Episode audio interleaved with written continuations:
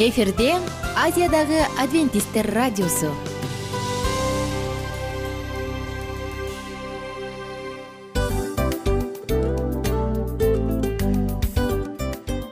Достор салют. Баардык сүйүктүү угармандарыбызга салам айтабыз. Кутман күнүңүздөр менен.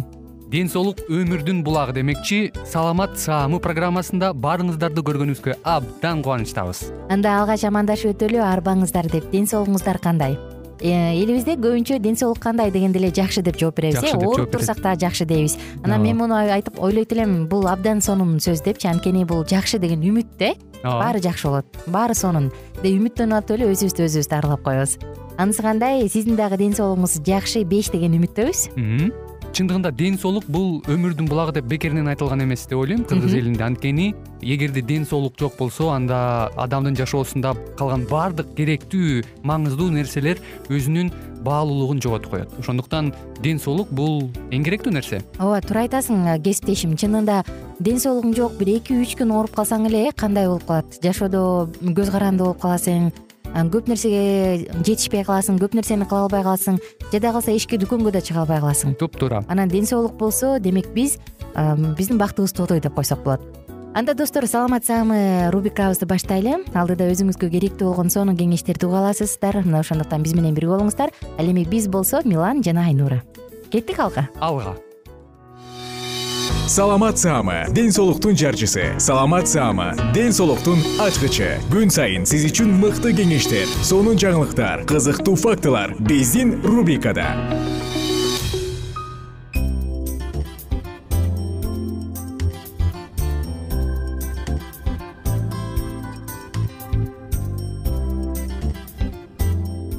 Кутман күнүңүздөр менен замандаштар баардык сүйүктүү угармандарыбызга ысык салам жана салам айтуу менен бирге сиздерди саламат саама рубрикасына кош келиңиздер деп чакырам. Достор бүгүнкү уктурууда дарыгерлер менен болгон маекте сонун маалыматтар айтылат. Жана мен ишенем бул маалыматтар сиздин жашооңузда чоң жардам тийгизет деп. Жагымдуу мүнөттөр бирге болсун биздин жыштыктан алыстабаңыздар радионун үнүн өктөмүрөөк чыгарып керек болсо кагаз калем сап алып керек болсо өзүңүздүн уюлдук телефондун диктофонун күйгүзүп алып жаздырып алганга дагы аракет кылыңыз анткени чындыгында бул сонун белек маалыматтар кымбат маалыматтар сиздер үчүн. Жагымдуу мүнөттөрдү бирге өткөрөлү.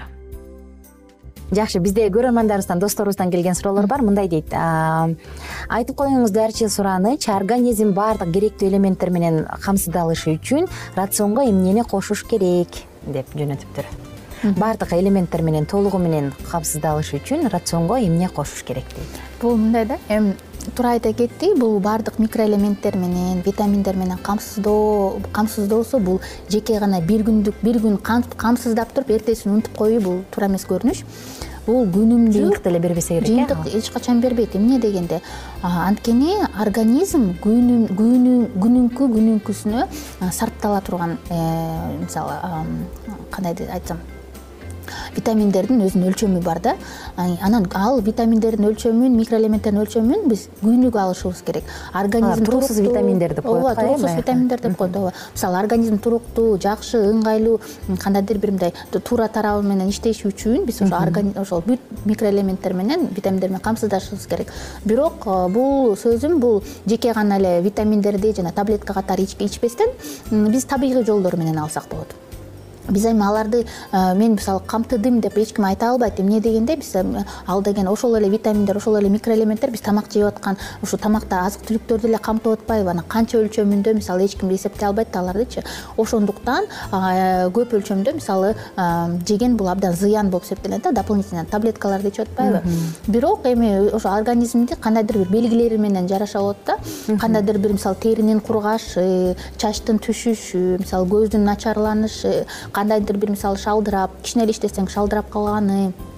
Булардын баары ушул витамин менен микроэлементтердин жетишсиздигинин белгилери болуп эсептелинет. Анан ошого жараша биз деген ошол эмебизди мындай кандайдыр бир рационубузду кичине бурмалап мындай контролдосок болот да а бирок мисалы эч качан мисалы андай эле көрүнүштөр жок болсо анда тура эле анда ошол кандай тамак жесеңиздер ошондой жеңиздер. Бирок эч качан ошол унутпаңыздар ошол эң биринчиден ошол ар түрдүү тамактар рациондорду кармоого күнүмдүк ошол аракет кылсаңыздар эч качан мисалы зыяндык алып келбейт. Ушул жерден айткым келип атат бир чет элдик адамдын китебин окуп калдым. Ал дагы айтат да мисалы жөнөкөй эле дейт.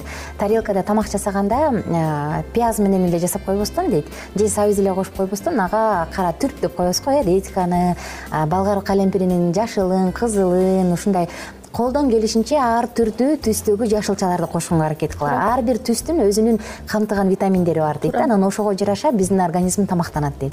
Анан кийин баягы витамин баарын өлтүрүп туруп куруп эмес э бир аз эле кайнатага алып борко этип деп коебуз го биз баягы кыргызчачы. Борко этип алып туруп анан иче турган болсоң жей турган болсоң бул пайдалуу дейт да. Анан салат жасаганда дагы дейт да ошол дарыгер адам мага абдан жакты салат жасаганда да колдон келишинче ар кандай түстөрдөгү дейт бир гана жашыл түстөгү бадыраң менен эле капустаны эмес дейт. Ага кызыл түстөгүнсүн сары түстөгүнсүн кошкула. Канчалык көп түстүү салат боло турган болсо ошончолук пайда деп ушул абдан жаккан мага. Мүмкүн биздин суроо берген угарманыбыз жардам берер. Мындай. Углеводсуз жашоо болобу растительный май менен жашаса болобу дейт. Кийинки көрөрманыбыз эми углевод менен жашаганды эми азыркы учурда өзүңүздөр билгендей углеводдор деле керек. Эмне дегенде бул эме май углевод дегенде элечи биз көбүнчө нандай айтабыз нан деп эле эсептейбиз да бирок бирок углеводдо көп көп көптөгөн мисалы биз күнүмдүк жеп аткандын баары эле углевод болушу мүмкүн э? Мисалы ошондой эле печенье жеп койсоң деле ал деле углевод болуп эсептелинет. Мисалы анын ичинде жана сахар кумшекер бар эмеспи э, э туздар дагы болушу мүмкүн. Бар ошондуктан биз жеке гана углеводсуз анан жеке гана мисалы эмне деп айта кетти. Эмнесиз деди углеводсуз жана растительный май менен жашаса болобу дейт. Өсүмдүк майы менен эле жашаса болобу дейт да. Эми өзүңүздөр билиңиз өзүңүздөр билгендей жашылча жемиш менен эле өсүмдүк май менен эле жеп аткан адамды элестетели э эске алсак. Ал деген бир ай өтөт эки ай өтөт белок такыр албайт. Э, эми май такыр албайт анан энергияны каяктан сарпталат? Бул организмдин өзүнөн алат да. Өзүнөн жана депо деп коет эмеспи деподогу энергиясын алат да. Бирок бул депо кандайдыр бир убакытка чейин эле эме организмди сактайт камсыздай алат. А андан кийин эмне болот? Андан кийин уже эмне болот? Нарушение деп коет уже истощение кетиши мүмкүн. Адамдын органдарынын туура эмес иштеши байкалышы мүмкүн. Кандайдыр бир оорулардын пайда болушун байкашы мүмкүн. Ошондуктан организм адам эч бир өзүнүн кандайдыр бир чектөөсүнө мындай такыр эле эме жоюп салуу деген бул туура эмес көрүнүш. Ар бир белокту дагы майды дагы углеводду дагы жана витамин микроэлементтерди дагы өзүнүн кандайдыр бир ар түрдүү кылып өзүнүн эрежелерин сактап ошону жеген бул туура көрүнүш. Жана эч качан аны чектеп э, рационуңуздан такыр эле жоюп салуу бул туура эмес көрүнүш болуп эсептелинет достор жогоруда айтылгандай эле эң сонун маалыматтар биздин ден соолугубузду коргоо үчүн бүгүнкү күндө бар. Канчалык маалымдар болсоң ошончолук куралданган болот эмессиңби мына ошондуктан бүгүнкү айтылган маалыматтар дагы жашооңузга чоң таасирин берип жардамын берип сизди ар кандай кырсыктан ден соолукту сакташ үчүн жаман нерселерден сактасын оорулардан дарттардан сактасын адамдын биринчи байлыгы ден соолук. Адамга экинчи байлык ак жоолук керек. Бирок ак жоолук ден соолуксуз кызык мына ошондуктан сиздерге кааларыбыз албетте бекем ден соолук. Өзүңүздүн колуңуздагы байлыкты сактаңыз барктаңыз. Жана албетте бул үчүн болгон күрөшүңүздү жумшаңыз. Адам баягы жашоосунда колдон келишинче акча таап алып туруп анан кийин улгайып калган кезде баардык тапканын кайра өзүнүн ден соолугуна жумшагандан көрө мейли аз тапса дагы бирок оорубай жашоонун кубанычын татып жашаганга эмне жетсин ошондуктан ар бириңиздерге кааларым бекем ден соолук. Коштошобуз достор сиздер менен. Кийинки уктуруулардан кайрадан амандашканча бар болуңуздар сак саламатта туруңуздар. Күнүңүздөр көңүлдүү маанайда улансын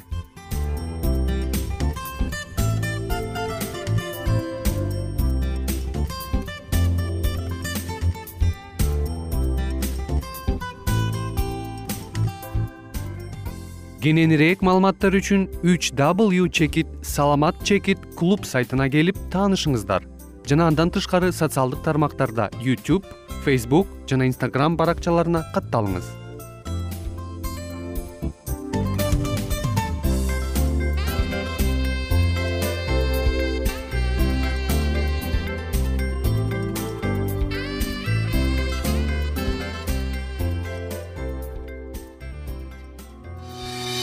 саламат саама ден соолуктун жарчысы. Саламат саама ден соолуктун ачкычы. Күн сайын сиз үчүн мыкты кеңештер сонун жаңылыктар кызыктуу фактылар биздин рубрикада.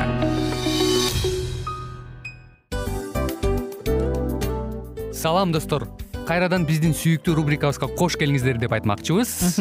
Баардык замандаштарыбызга арбаңыздар деп саламыбызды айтабыз. Улуу ушундай бир э, урматтаган учурашуу менен анан дил маек радио баракчабызга чакырабыз. Негизи дил маек биздин рубрикабызда эмне жөнүндө кеп кылабыз? Бул дил маектин мааниси эмнеде? Рубрикабыз менен кичине тааныштырып кетсеңиз. Сөзсүз түрдө тааныштыра кетейин кесиптешим суранычы боюнча бул учурда бул радио баракчада биз ар тарап кесип ээлеринен сонун кеңештерди алабыз сүйлөшөбүз сырдашабыз аталарыбыздын эжелерибиздин апаларыбыздын кеңештерин угабыз айтор жан дүйнөгө адамдын э, сапатына адамдын деги эле адам болуп жашашына керектүү баардык кеңештер алдыда.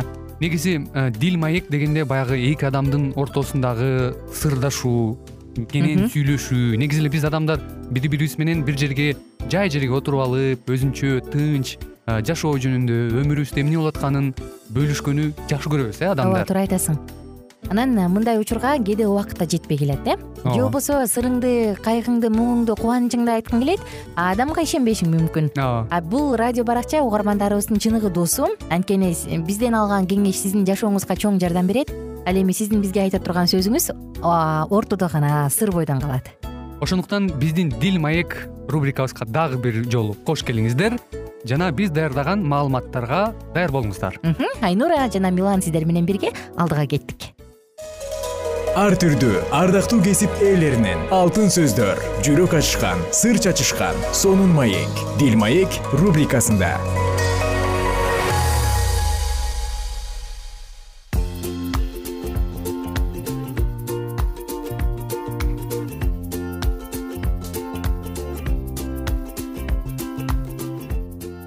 Салют достор баардык угармандарыбызга ысык салам айтып сиздер менен бирге кайрадан дил маек радио баракчасын баштадык амансызбы урматтуу угарманыбыз кайрадан эле биз сиздер менен дил маек уктуруусунда бүгүнкү программабызда кызматыңыздарда мен улан жана ошондой эле менин кесиптешим айнура бүгүнкү уктурууда өткөн берүүбүздө биз сөз кылганбыз. Балдарыбыздын ушул гений болуп чоңоюш үчүн ата эне кандай салым кошуш керек? Ушул туурасында ой пикирибиз менен бөлүшүп атканбыз. Анан ошол негизи эле жашоодо мен психологдордун оюн абдан сыйлайм сонун кеңештерди беришет. Анан андан да ашып кеткен психолог тажрыйбалуу адамдар болуп калат го жашоодо башынан өткөргөндөрчү. Анан карап отуруп туруп чын эле биз мурунку уктурууларда кандай тарбияда чоңойгондо кимдин келечегине кандай таасир тийгизген ошол жөнүндө сөз кылганбыз. Анда сен эсиңдеби э, бир сонун маалымат менен бөлүшүп аткансың э? Жапон эли балдарга кандай мамиле кылат деп ошол жөнүндө бөлүшө кетпейсиң абдан жакшы болот ооба чындап эле э, өткөн берүүбүздө мен айтып өткөм э, балдарыбыздын гений болуп чоңоюш үчүн айрым бир психологдор мындай кеңеш берген экен.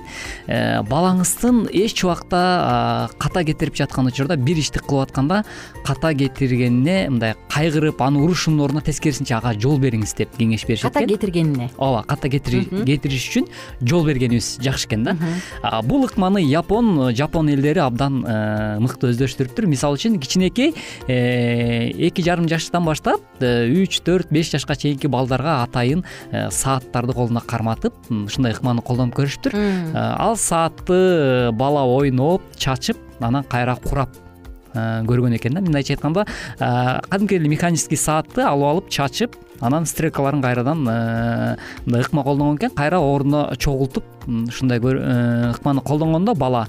Демек э, биз көбүнчө мындай болот да кыргыздарда биз эч убакта буюм бербейбиз э сындырат э, сындырат талкалайт анын ичинде тим эле э, конфет катып койгонсуп деп урушуп баштайбыз мисалы үчүн э? тескерисинче жапондуктар ушул нерсени көбүрөөк колдонгондуктан бүгүнкү күндө баягы технология жагынан электрондук технологиянын өнүккөнү ушундан улам го деп мен ойлоп мындай өзүмчө ушундай жыйынтык чыгарып койдум да анткени. Бүгүнкү күндө эң жакшы технологиялар бытовойбу ошол эле бүт жагынан жакшы жапондордуку эң сапаттуу эмеспи анан алар сааттарды колуна өрүп коет экен деп эмне кылат экен ошо кичинекей сааттар бергенде э, текшерүү иретинде кылган экен. Э, ошол бала аны ойноп атып кайрадан баягы айтса стрелкаларын кайра ордуна кой чогулт десе кандай болсо ошондой кайра чогулткан экен да. Кичинекей кезинен кичинекей кезинен эле демек э, балдарды биз дагы ушундай сыяктуу мындай ката кетиргенден коркпой тескерисинче аларга мүмкүнчүлүк беришибиз керек экен рцубузда иштеген бир байке айтып калды эле. Бала бул дүйнөнү таанып жатат сындырат иштейт депчи анан ошентип ошентип отуруп анан дүйнөнү таанымы кеңейет анысы кандай биз достор сиздер менен баладан кантип гений тарбиялашыбыз керек? Сиз учурда өзүңүздү гениймин деп эсептейсизби? Мына мага ушул да кызык болуп турат. Мисалы кесиптешим сенчи өзүңдү гениймин деп эсептейсиңби албетте ар бир адам өзүн сыйлай турган болсо сөзсүз түрдө мен гениймин деп мындай э, текебер катары эмес бирок э, ошентип эсептеш керек деп ойлойм да. Анткени умтулуш керек гений болгонго жана эле ошол учурда мындай ошол сапатка ээ болгонго менимче ар бир инсан умтулуш керек го дейм. Жакшы. Мен мисалы учурда энемин да. Анан апам мага кандай мамиле кылса мен өзүм аң сезимимде аны баамдаймбы баамдабаймбы бирок мен балама ошондой мамиле кылат экенмин да. Муну мен бир нече жолу байкап калдым. Анан баягы еврей эли тукум улаганда энесинен кетет эмеспи э? Энесин энеси биринчи кезекте турат го. Анан бул дагы алардын өзгөчө бир акылмандуулугунун бирден бири экен деп калдым. Анан аял тандаганда мисалы кыргыздар деле илгери аял тандаганда баатыр уул төрөп бере ала турган акылдуу өзгөчө чыгаан айымдарды тандашчу экен да. Биз баягы ойлойбуз го кыргыздар он эки жашында эле күйөөгө берчү депчи. Жок андай эмес. Алар чыныгы эне боло ала турган баатыр төрөй ала турган аялдарды издешиши экен да. Карап отуруп анан таң каласың. Менин айткым келгени энеден абдан көп нерсеге көз каранды. Эгерде баланын гений болуп чоңоюшу баланын игиликтерге жетишишин кааласаңыз анда өзүңүзгө гений тарбиялай турган гений төрөй ала турган айымды издешиңиз керек болот экен да. Өзүң кааласаң каалабасаң дагы сен эненин курсагында тогуз ай колунда боорунда үч жыл анан кийин өмүр бою жүрөгүндө жүргөндүктөн кааласаң каалабасаң дагы энеңдин сага жасаган мамилеси энеңдин үйдөгү адаттарынын баардыгы өзгөчө кыз балада калыптана берет экен ооба ошондуктан кыргыз элинде дагы макал бекеринен айтылбаса керек. Э, энесин көрүп кызын ал анан эшигин көрүп төрүнөт дейт го анысы кандай демек кыргыз эли эзелтеден ушул нерсени мындай аябай мындай тамырын кармап билген десем болот да. Анткени чындап эле э, эне дайыма балдарды тарбиялайт эмеспи? Кызык эмнеге атасын көрүп уулуна турмушка чык деген макал чыкпай калды экен э баланы кантип гений кылып тарбиялайбыз? Бүгүнкү биздин темабыз баланы канча жашында өзүнчө бир бөлмөгө бөлүп коюш керек дейт. Бул дагы маанилүү дейт элестетип көр. Бала кичине кезде ата эне өзү деле бөлө албайт ачынып үшүп калат деп коркот э. Анан эки үч жаштан кийин башка бөлмөдө уктаганга көрүндүрсө өз алдынчылыкка эртерээк үйрөнөт дейт. Алгач жанына шам чырак коюп жарык күйгүзүп койсоңор кийин караңгы бөлмөдө уктай алат дейт. Мына сенин керебетиң кандай сонун? Чоңоюп калдың балам. Эми өзүңчө жатышың керек. Сен чарчадың атаң да жумуштан чарчап келди. Тынч уктайлы деп баланы өзүнчө бөлмөгө бөлүп коюу анын өз алдынчылыкка үйрөтөт дейт. Карачы? Э, демек баягы орусча айтканда самостоятельный болгонго дагы э, үйрөтө алат экенбиз э бул нерседе адатта кичине балдар баягы апа карасаңыз мен укмуш чуркайм да сүрөт тартып атам карачы. Э, таланттарым бар деп мактанчаактыгын көрсөтүшөт го. Бул баягы биз э, көбүнчө э, көңүл бурбагандыктан бала ар кандай өзүнүн мүмкүнчүлүктөрүн көргөзүп анан ушундай кылышат экен да. Мындай учурда бар чынары мен бошобой атам деп койбостон түрдүү жумокторду бирге окуп анын фантазиясын ой жүгүртүсүн ого бетер өстүрүп чогуу талкуулап анын ар бир ийгилигине кубанып ай азамат балам деп мактай турган болсок дейт. Анда бала ишенимдүү инсан болуп калыптанат дейт карачы ушуга эле кошумча аталарда дагы чоң жоопкерчилик орногон дейт. Э, мисалы баланы тарбиялоодо көбүнчө аталар эркек уулдарын э, сөзсүз түрдө кандайдыр бир э, иш аракетти кылып жатканда жанында кошо алып жүргөн өтө маанилүү дейт да. Муну дагы айрым бир психологдор ушундай кеңеш беришет экен. Мисалы балким өзүңдүн жумушуңа дагы балким сен механик болсоң же кандайдыр бир иш кыла турган болсоң балаңды кошо алып жаныңа үйрөткөнүң жакшы экен. Бул балдарга да кызык жаратат э?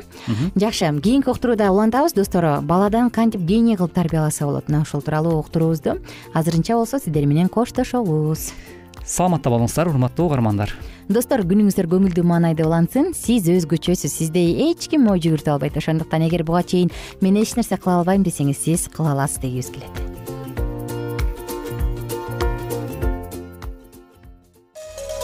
ар түрдүү ардактуу кесип ээлеринен. Алтын сөздөр жүрөк ачышкан сыр чачышкан сонун маек. Дил маек рубрикасында.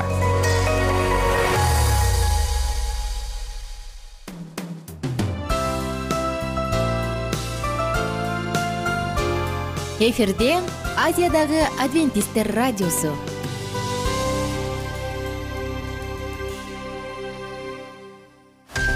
жан дүйнөңдү байыткан жүрөгүңдү азыктанткан жашооңо маңыз тартуулаган жан азык рубрикасы.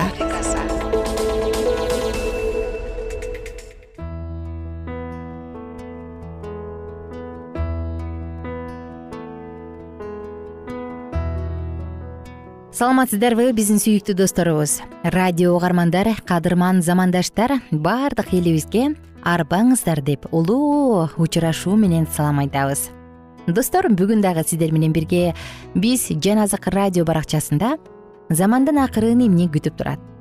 Сот деген эмне? Мына ушул тууралуу сөз кылабыз. Элибизде деле көп айтылат эмеспи э ай улуу сотто кудайдын алдында жооп бересиң. Кудайдын алдына барганда баардыгы таразаланат. Ай ушу кудайдан корксо боло? Сот күнүндө уялып калба жер карап калба деген сыяктуу сөздөр эл оозунда эң эле көп айтылат бирок ошол сот качан болот качан башталат жана качан бүтөт? Ар бирибизге кызык. Эгер сиз дагы бул сот тууралуу ойлоно турган болсоңуз анда сиз акылман адамдардын бирисиз. Анткени бир учурда мен жооп берем деген кылмыкка баардык кылык жоруктарыбызга баардык ишибизге жооп берем деген сөздү эстей жүргөндө жүрөгүбүзгө түйө жүргөндө биз албетте жаман нерселерден жаман ойдон жаман кылмыштардан качабыз эске салсам достор акыркы сот тууралуу аян китебинде эмне деп айтылат? Бул биздин акыркы ушул чыгарылышыбыздагы темалардын бири жана мурунку уктурууда дагы ушул теманын негизинде сөз кылып жатабыз. Сот учуруна эки миң үч жүз жыл бөлүнгөнүн анын төрт жүз токсон жылы жүйүттөр үчүн бир миң сегиз жүз онунчу жыл баардык элдер үчүн экендигин айтканбыз э? Мурунку уктурууда биз муну биз муну ыйык жазуунун негизинде далилдегенбиз анда бул качан башталат? Жыл санагы качан башталат дегенде иерусалимди калыбына келтирүү боюнча буйрук чыккан учурдан. Тагыраак айтканда биздин заманга чейинки төрт жүз элүү жетинчи жыл деп көрсөтө алабыз. Эми андан ары уланталы. Андан кийин төрт жүз токсон жылды карай алабыз. Анткени пайгамбарчылыктын башталган күнүн билебиз. Бул дата катасыз жана чын эле туура экенин аныктаганга аракет кылабыз. Келгиле анда. Аныктай баштайлы жебрейил периште даниэль пайгамбарга буйрук чыккандан биздин заманга чейинки төрт жүз элүү жетинчи жылды. Эгидер машаякка чейин бул албетте ыйса машаяк жети жума жана алтымыш эки жума өтөт деп айткан. Мессия деген сөз эмнени түшүндүрөт? Евритче машаяк машиях байыркы грек тилинде христос. Мессия деген сөз майланган дегенди түшүндүрөт. Ыйса качандыр бир кезде майланды беле? Качан майланды эле? Ал сууда чөмүлдүрүү алып жаткан кезде майланган. Бул тууралуу элчилердин иштери китеби онунчу бапта ал сууга чөмүлүү алыш үчүн киргенде ыйык рух менен майланганы жазылат. Демек иерусалимди калыбына келтирүү боюнча буйрук чыккандан ыйсанын чөмүлүүсүнө чейин алтымыш тогуз пайгамбарчылык жумасы өтүшү керек. Кызык э? Буйрук болсо күзүндө чыккан. Эгер биздин заманга чейинки төрт жүз элүү жетинчи жылдын күз мезгилинен тарта алтымыш тогуз пайгамбарчылык жуманы эсептесек же төрт жүз сексен үч жылды машаяктын сууга чөмүлдүрүлгөн датасына келишибиз керек төрт жүз сексен үч жылды санагандан кийин биз биздин замандын жыйырма жетинчи жылына келип калабыз. Ыйса ошол жылы сууга чөмүлдүрүлдү беле. Лука жазган жакшы кабар так ошондой болгонун билиш үчүн конкреттүү маалымат алганга жардам берет. Лука китеби үчүнчү бап жыйырма биринчи аятта ыйсанын чөмүлүүсү мындай сүрөттөлгөн баардык эл сууга чөмүлдүрүлүп жатканда ыйса да чөмүлдүрүлдү. Бул кайсы жерде жыл болгон? Лука үчүнчү бап биринчи аятта мындай деп жазылган. Рим падышасы тиберийдин падышачылыгынын он бешинчи жылы эле тиберийдин падышачылыгынын он бешинчи жылы биздин замандын жыйырма жетинчи жылы болгон. Бул даниэль пайгамбар алдын ала айткан ыйсанын чөмүлдүрүлүү алган так жылы. Ыйса машаяк мессия экенинен шектенсе болобу? Ыйса төрөлгөндөн мурун эле даниэль анын чөмүлүп алган күнүн алдын ала айтып жатат. Библияда абсолюттуу тактык бар. Даниэль китебин карасак тогузунчу бап жыйырма алтынчы аятта алтымыш эки жума өткөндөн кийин машаяк өлүм жазасына тартылат алгандан белгилүү бир убакыт өткөндөн кийин миссия өлүм жазасына тартылат деген эмнени билдирет? Айкаш чыгачка каталат. Туура ал качан айкаш чыгачка каталат? Бул жерде ал датада таптак көрсөтүлгөн. Даниэль китеби тогузунчу бап жыйырма жетинчи аятты карасак. Ошондон кийин ал көп элдер менен түзгөн келишимди бир жуманын ичинде күчүнө киргизет. Бул логикага ылайык. Периште даниэлдин эли үчүн жетимиш апта берилгендигин айтты. Алтымыш тогуз жумалык убакыт бизди биздин замандын жыйырма жетинчи жылына алып келди. Эми бир жума калды. Ошондуктан келишимди бир жуманын ичинде күчүнө киргизет деп айтылат ушул тексттерди карасаңыз бул абдан таң калыштуу кайсы тексттер жана эмне таң калыштуу бул тууралуу биз достор кийинки уктуруубузда сөз кылалы. Караңызчы мисалы ыйса машаяк төрөлгөнгө чейин бул канча миңдеген сегиз жүздөгөн жылдар мурун айтылган пайгамбарчылык. Жыл эсеби менен эсептей келгенде ал күнүнө чейин таптак айтылып жатат. Анан кантип биз машаяктын куткаруучу экенине машаяктын кудайдын уулу экенине ишенбейбиз. Анткени бул пайгамбарчылыктар илгери эле айтылган. Кыздан төрөлөт деген. Ал так ошондой болду. Төрөлөр жери учуру баардыгы айтылган. Так ошондой болду. Бул болсо достор бизге бүгүнкү күнгө ойлонууга жем болсун. А мен болсо сиздер менен убакыттын тардыгына байланыштуу коштошом. Кийинки уктурууда дал ушул кызыктуу пайгамбарчылыкты андан ары бирге улантабыз. Жалпыңыздар менен амандашканча бар болуңуздар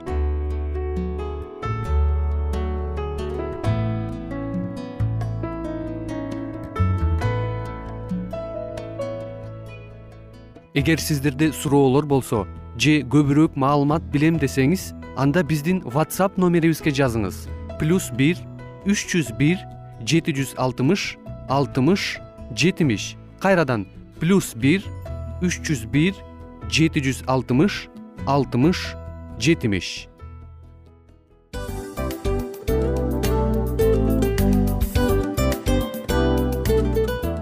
ушул менен достор программабыздын уктуруубуздун эң кайгылуу мөөнөтүнө келип жеттик. Кайгылуу дегенде ыйлагым келип кетти кесиптеш. Кадимкидей анткени баягы учурашасың анан коштошуу учур келгенде ии ай кантип ии эми эми бат баттан келиптир э сагындырбай деп атып араң коштошобуз го. Анысы кандай угармандарыбыз менен коштошчу учур келди. Кийинки уктурууларды сагыныч менен жүрөгүбүздө кусалык менен күтөбүз жалпыңыздарды анан жарым сааттык уктуруу көз ачып жумканча өтүп кетти. Сөзсүз бирок бизде жакшы кабар бар. Кийинки уктурууларыбызда сөзсүз дагы кезигишебиз. Анткени биз көптөгөн сюрприздерди кызыктуу маалыматтарды жана керектүү керектүү нерселердин көпүнчөсүн даярдадык. Анда угармандарыбыздын баардыгына ийгиликтүү күн каалайбыз. Эгерде бүгүнкү күнүңүз өзгөчө э, өтүшүн кааласаңыз анда позитивдүү ой жүгүртүп жылмайып жакындарыңызга жакшы маанай тартуулап жүрө бериңиз. Анткени сөзсүз түрдө мунун арты кайтат э? Сөзсүз. Баягы ден соолугуң оңолот ал бул деп көп нерсени санап келебиз эң негизгиси бул сиздин жашооңузду жаркын кыла түшөт экен. Жараткан кудай ар бирөөңүздөргө батасын берсин жашооңуз ийгиликтүү болсун сак саламатта калыңыздар деп мен милан жана кесиптешим айнура. Баардыгыңыздар менен кийинки уктурууда үн алышканча. Баарыңыздарга ийгилик каалайбыз